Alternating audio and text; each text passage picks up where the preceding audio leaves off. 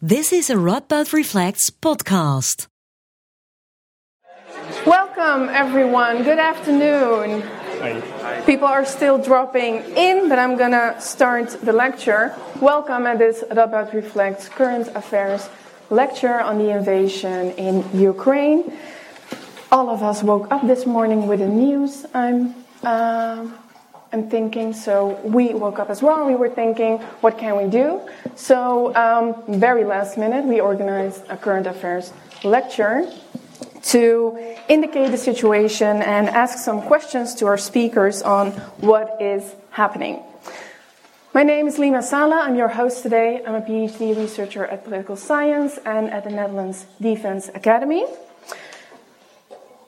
We have about 30 minutes for a Q&A with the speakers and then like 50 minutes for your questions. So um, please wait for those final 15 minutes.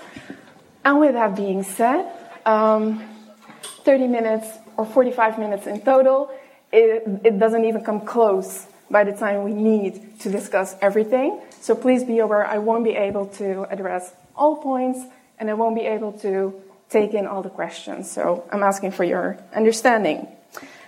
The speakers. Today we are here with Professor Bert-Jan Verbeek, political scientist in international relations.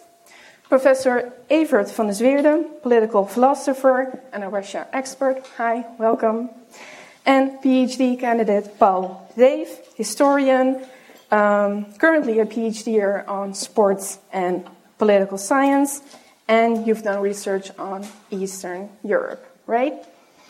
Welcome, all of you. Thank you for being available this morning on sh- such a short notice. We have limited time, so I'm going to dive right into it with my questions. Um, I wanted to start with you, Paul. As a historian, I have a histor- historical background myself. I was wondering uh, we were talking about the speeches of Putin last week um, and talking about what he's claiming about the history and cultural identity of Ukraine. And you just told me that you watched one of the speeches live. Um, how do you position those speeches? And especially also the last one, which contained a lot of threats. Sure, yeah, I guess let's begin with Monday's speech. Uh, I've never seen anything like it. Vladimir Putin sits down after a meeting with the Security Council, and then he gives us a half an hour lecture about why Ukraine is not a nation and, and all the reasons why Ukraine was forged and it has a shared identity with Russia. And um, it, it's very difficult for, for me as a historian also to place this. You know, is it your job to falsify it? Because there are many mistakes in there. Uh, I mean, one of the things he claimed is that the, the Russian Bolshevists and Lenin basically created the Ukrainian identity, which is not the case because before the Bolsheviks took over, the Ukrainians had already proclaimed their own republic. Um, but I guess what's more important is to understand maybe why Putin is doing this. I guess Evert will, will also talk about it. Um, but it's really part of, yeah, what basically his, his, his narrative of Russian history that there is a shared, like Ruski Mir, or like a greater Russian nation, which goes back to Kiev Rus a thousand years ago, and that Ukrainians don't want to be part of this anymore. Uh, it's, it's like his explanation, like, like a long historical narrative why this is a land which used to be Russian and has to be retaken of sorts. But the weird thing is, I don't think most, most Russians will recognize some parts of this narrative and they'll be like, yeah, okay, of course, this and this and this, but uh, also what I've seen on social media and, and from Russians I know, uh, it's, it's not something they buy into. Like it's, it's a broader it, it's a broader fault. Why would you invade it? And um, the speech, mm, well, this morning actually, I haven't had the chance to see it all. Uh, but yeah, he was making comparisons with the Chechen wars, uh, that no one should be involved in this. And yeah, that's, that's uh, what I would like to say for now and an imminent threat to everyone who's going to stand in his yeah. way. Yeah, yeah. And also, um, since you're an historian, everyone is talking in the, in the last few weeks about how everything is happening on such a short notice, suddenly, and everything is happening. But um, I'm guessing you know that this is not sudden. This has been happening for years now. Yeah. Can you tell us something about the background? Well, basically, we've had a full out war for eight years now. 15,000 people have died after the, the invasion of Crimea and the, the occupation of uh, Donetsk and Luhansk. And uh, also beforehand, Putin has said many times that the greatest catastrophe of the 20th century is the collapse of the Soviet Union. But for many years, it didn't appear like Russia would ever become such an irredentist power. In 1994, Putin likes to talk about history, but he never mentioned the Treaty of Budapest, uh, during which the sovereignty of Ukraine was guaranteed. And after the riots of Maidan uh, in 2014, the democratization process, which is Putin's biggest fear, so-called color revolutions, Tajikistan, Armenia, Ukraine, which threatened his power, uh, he invaded Crimea. And, and, you know, from a historical point of view, eight years is not so long, but uh, every time I watch the Dutch news or the German news, I'm just flabbergasted that this is often not mentioned. You know, this mm-hmm. is not an invasion. This is just an escalation of of what we used to call frozen conflicts. But, mm-hmm. but yeah, it, it's not new. But what is new is that this is it's it's it's almost without historical precedent. I mean, we can talk about how Putin used the, Chech- the second Chechen war for his election campaign in 2000, but to invade another country uh, with full force, airplanes flying over Kiev. It's very strange to walk up, wake, uh, wake up with this. Mm-hmm. Evert, I saw you nodding on a lot of what Paul was saying. Uh, what can you tell us about how Putin is positioning himself at the moment? Um, well, a lot, but um, I think it's a very complex situation, and I think Paul already mentioned a couple of elements that are part of this complexity. And for me, one of the biggest complexities is connected to the question to which extent can you use history as an argument in current affairs? Um, on the one hand, it's undeniable that people always refer to history, especially recent history, when they engage in current affairs.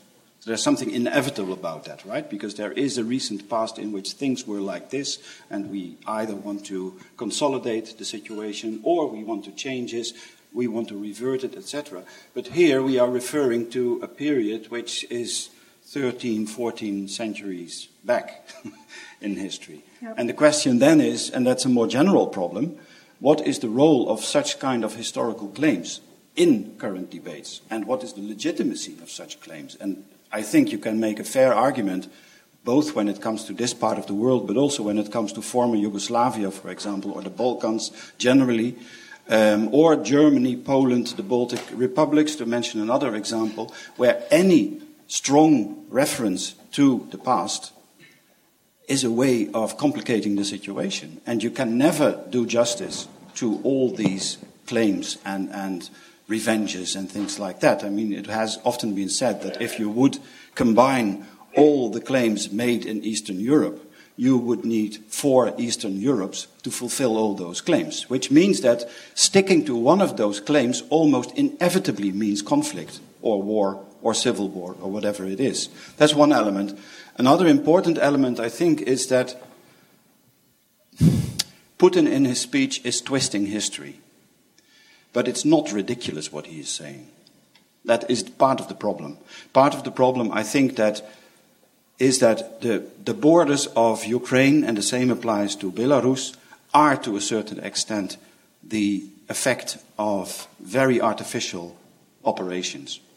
Um, Belarus exists as it exists on the map, right? Um, and Ukraine also exists on the map because of the shifts at the end and after the end of World War II. When Poland was pushed to the west at the expense of Germany, and Belarus was created in between Lithuania and Ukraine.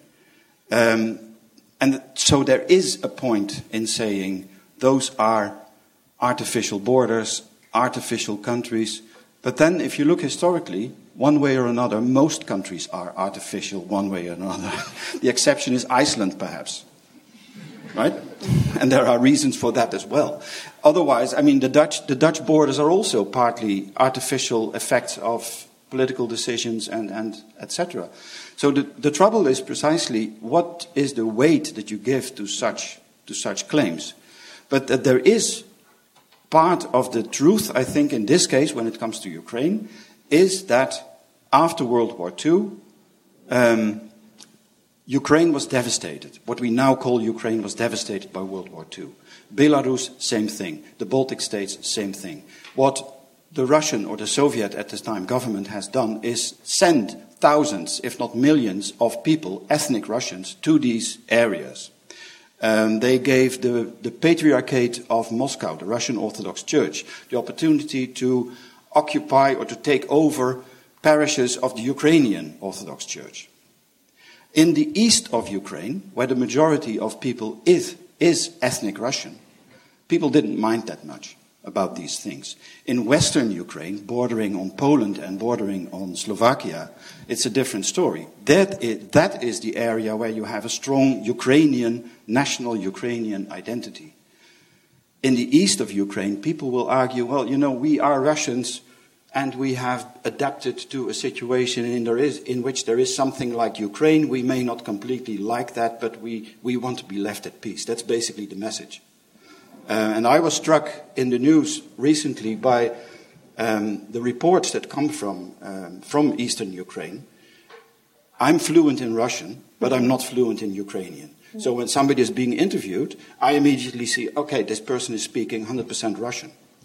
And that is the people on the street. They speak Russian. They have a Russian identity. They speak Russian. They feel Russian. And they may, to a certain extent, be sensitive to this kind of historical argument, right? Like Russia started in Kiev and then spread and became Moscow centered, but we are one nation, um, etc. At the same time, when you see interviews with the people who are in charge in Donetsk or Luhansk, in the not in the separate, uh, separatist areas, but in the major, like in Donetsk itself. The people in charge there, the local governor, is Ukrainian, Western Ukrainian, speaks Ukrainian.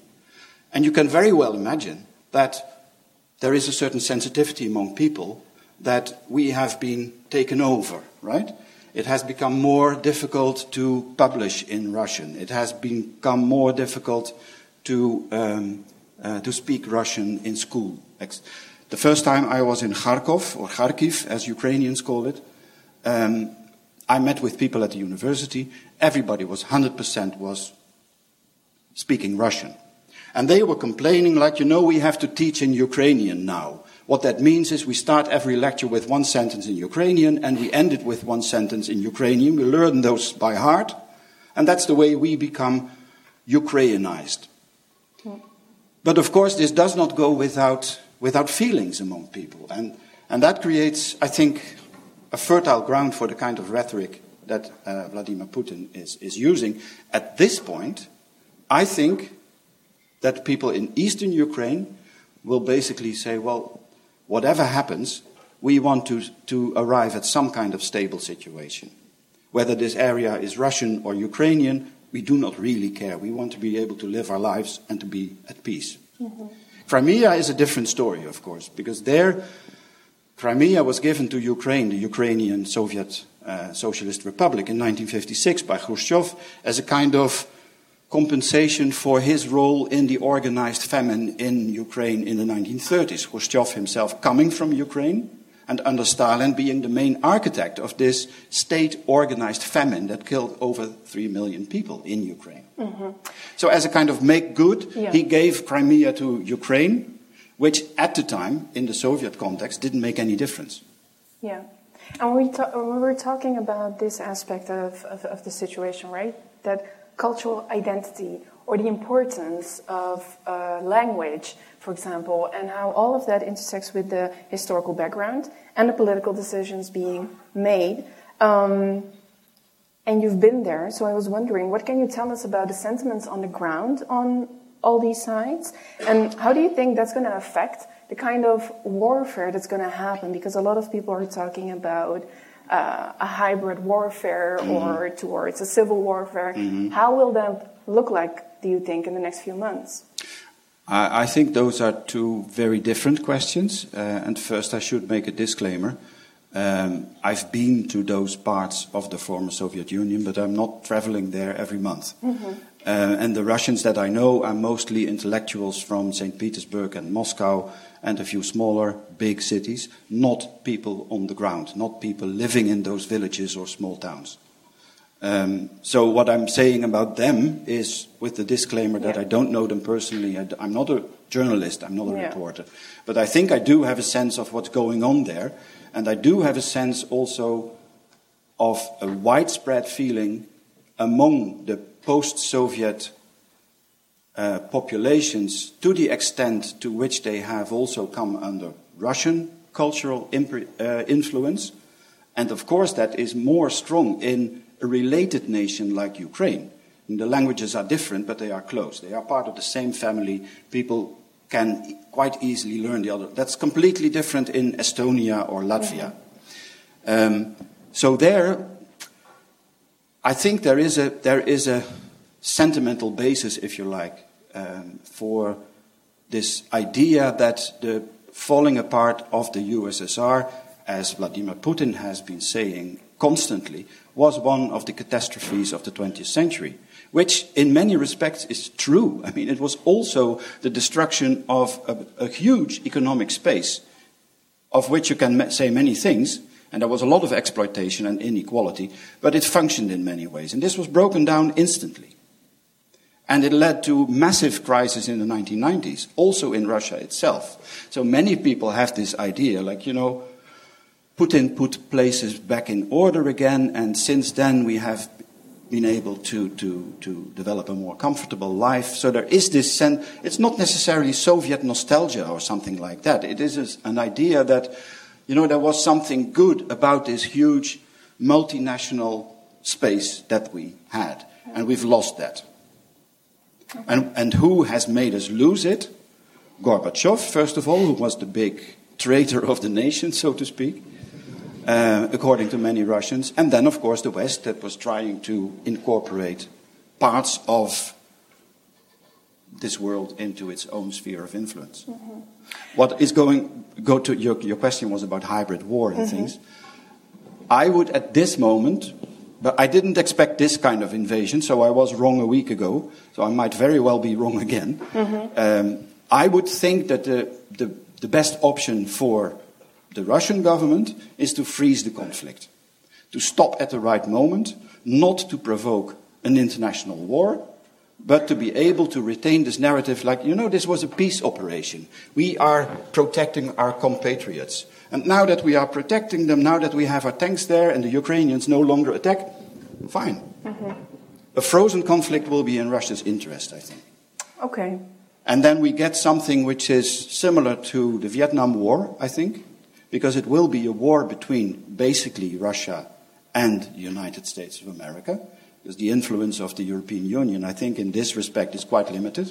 It will be a major conflict, Russia versus the United States fought at a different territory, with the complication that that territory, in many respects, is very close to Russia, contrary to Vietnam, which was strange and alien to all of them. Mm-hmm. Okay, thank you.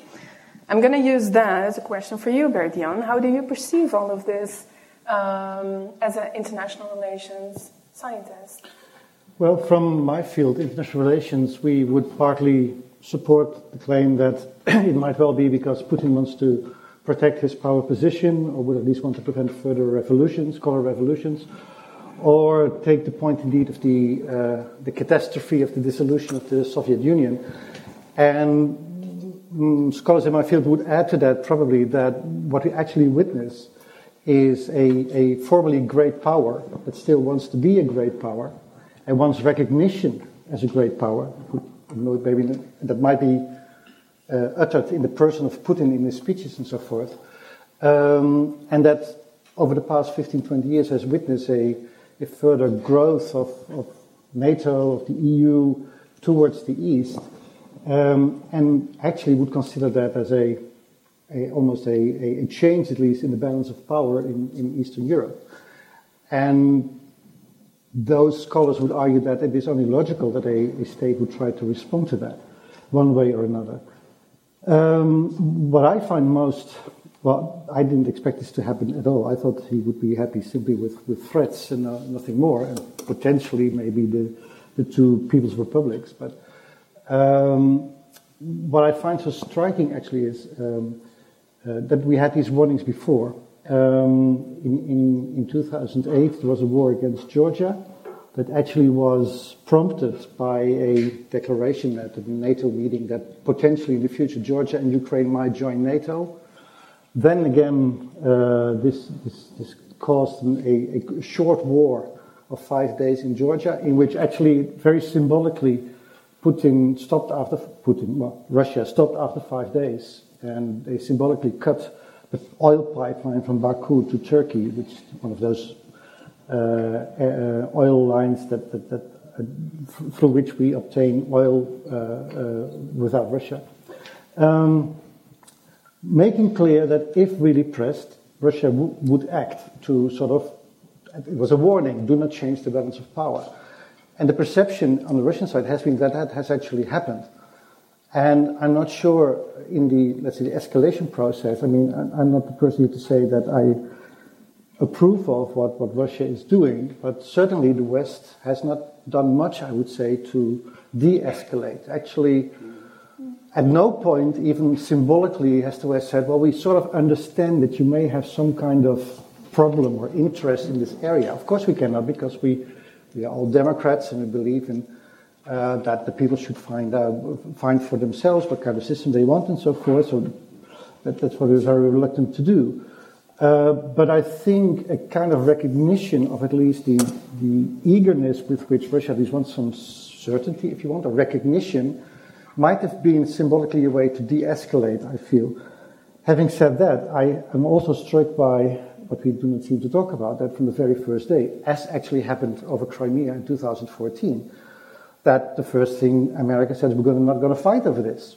Mm-hmm. And that is what I do not believe, because if you really feel that you're let's say, meeting the new Hitler, so to speak, and you should not appease, uh, then you should actually be not threatening with the use of force, but you should not explicitly exclude the idea of maybe at some point using force in order to deter the other from, from aggression, I would say. So I find a little bit, um, let's say, what, what the West has done a little bit puzzling, uh, to say the least. Um, Having said that, uh, yeah, de-escalate. I, I, agree with David that that a frozen conflict would would be a uh, an optimal outcome for Russia as it has done in, in the Caucasus and in, mm-hmm. in other places. Yeah. yeah. Okay, I'm um, talking about the position and the role of the of the West. I was listening to the radio this morning, and a lot of people were talking about what are the consequences for Europe? What are the consequences for uh, the Netherlands? How are we going to be affected by the situation? And I kept thinking, yes, consequences, but what is our responsibility? We're ta- you mentioned 15,000 people, right? Yeah. I mean, what are the um, responsibilities of the West, and specifically Europe, West Europe, the Netherlands? And feel free to jump in I guess the Netherlands has a very large responsibility. We're one of Russia's top five trading partners. Gazprom and Rosneft pay their taxes here. And uh, we have done nothing but to indulge uh, Putin and his oligarch circles around him. And the same applies to Germany, although they've stopped with Nord Stream 2 for the moment, and, and England. So when we talk about sanctions and how it will hurt us, that's, that's our own doing. And I guess also to, to tie into what uh, Bert-Jan just said, I mean, the circle around Putin seems to think in terms of great power and great powers and like buffer zones. And we've been making a shift towards, well, no, but these, the question you should ask is not why is NATO expanding, but why do these Eastern European states want to join NATO? And here, there is a lot of complexity in, in responsibility, like we've been offering this to them, yet we've been trading with Russia, and it's a very difficult and tangled web. And now we're faced with the realities of our own, well, what you could say, if we refer to the 30s, our own appeasement of the, the Putin regime over the last 15 years. And you're specifically mentioning the, the economic uh, yeah, interests. Huge, especially uh, we like to pretend this is a tiny country which has no, but we are the top five trading partner of, of Kazakhstan, uh, of, of, of, uh, of Russia. A lot of offshoring is happening. You know, we like to point to Switzerland or, or, or, or the UK, but it's happening here as well. What do you think about the responsibilities yes, we have? I, well, I, I think that you should make a distinction between um, the responsibility of government, where, of course, the Netherlands are part of the EU and also part of NATO, which means that they're, well, however they regard their responsibility, um, their space of movement will be limited by what the others are doing, and there are quite a few bigger players than the Netherlands. At the same time, it's very much true that the Netherlands will be one of the countries suffering from sanctions and counter sanctions. Mm-hmm. So that's a price that the Netherlands as a country and as an economy will be paying anyway. Mm-hmm. Um, I think you should distinguish that from the responsibility that citizens may have, uh, including citizens who have ties to Russia, whether fam- family ties or ties in the, the, type that I have, like cooperation with people in, at Russian universities.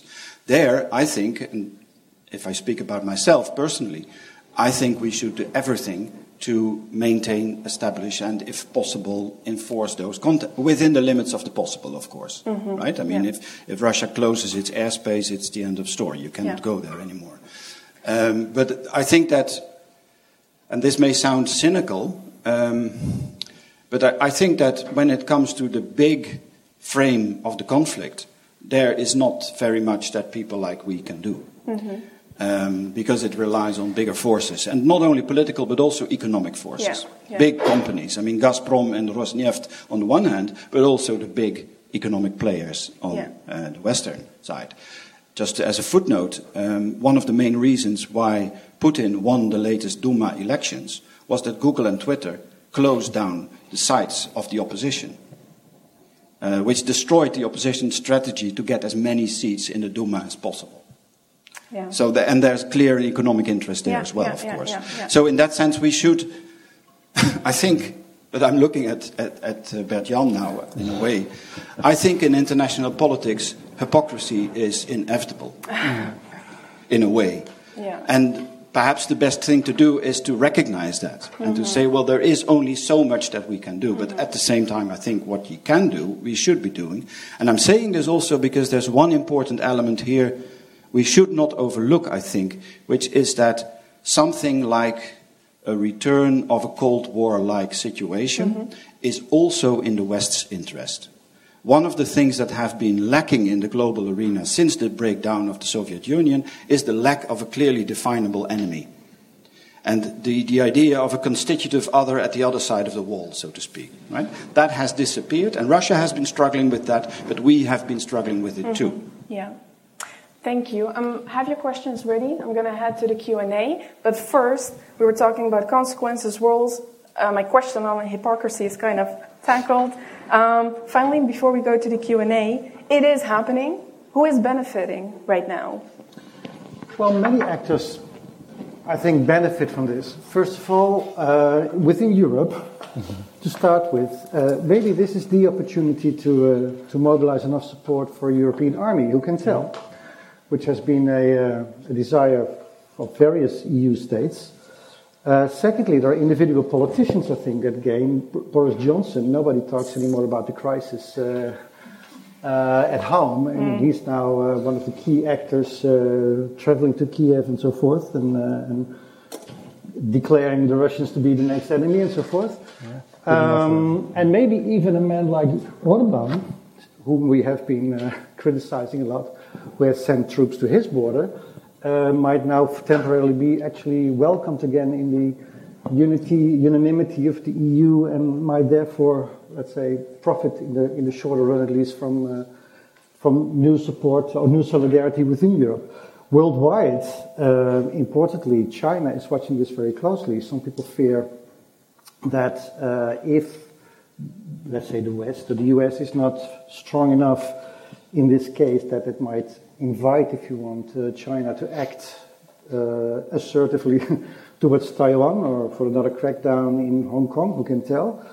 Um, interestingly, um, we discussed this in class actually uh, right before this meeting. Uh, uh, when we talk about Taiwan, the US always sent the fleet through the Straits of Taiwan to show that it is prepared to use force in the last resort to defend Taiwanese situation, status, whatever it is, autonomy, um, which, is, as I said before, has not done here. I think that, that is a big difference. But nevertheless, China is watching very closely. Mm-hmm. And in that sense, given the fact that the US, in the long perspective, actually had decided about 10 years ago to move its, its international focus away from Europe to Asia, exactly because of the rise of China, India, and so forth, the US has been forced actually to move back into Europe, which actually goes at the expense of its efforts in Asia. So that works in the balance of power in Asia towards the advantage of China, I would argue. So I, do expect, I would expect more assertive Chinese foreign policy, at the very least, to test the waters.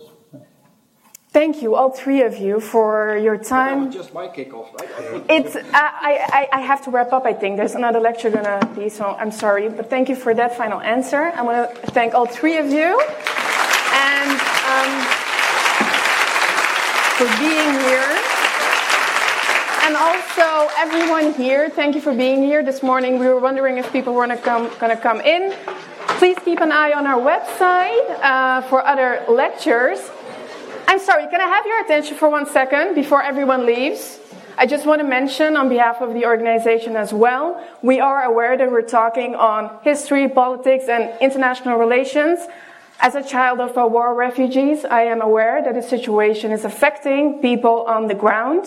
We might have students right here or on campus who are affected by the situation in all sorts of ways, but also colleagues so please reach out. The university, everyone is available for anything you need. Please do that. Have a nice afternoon.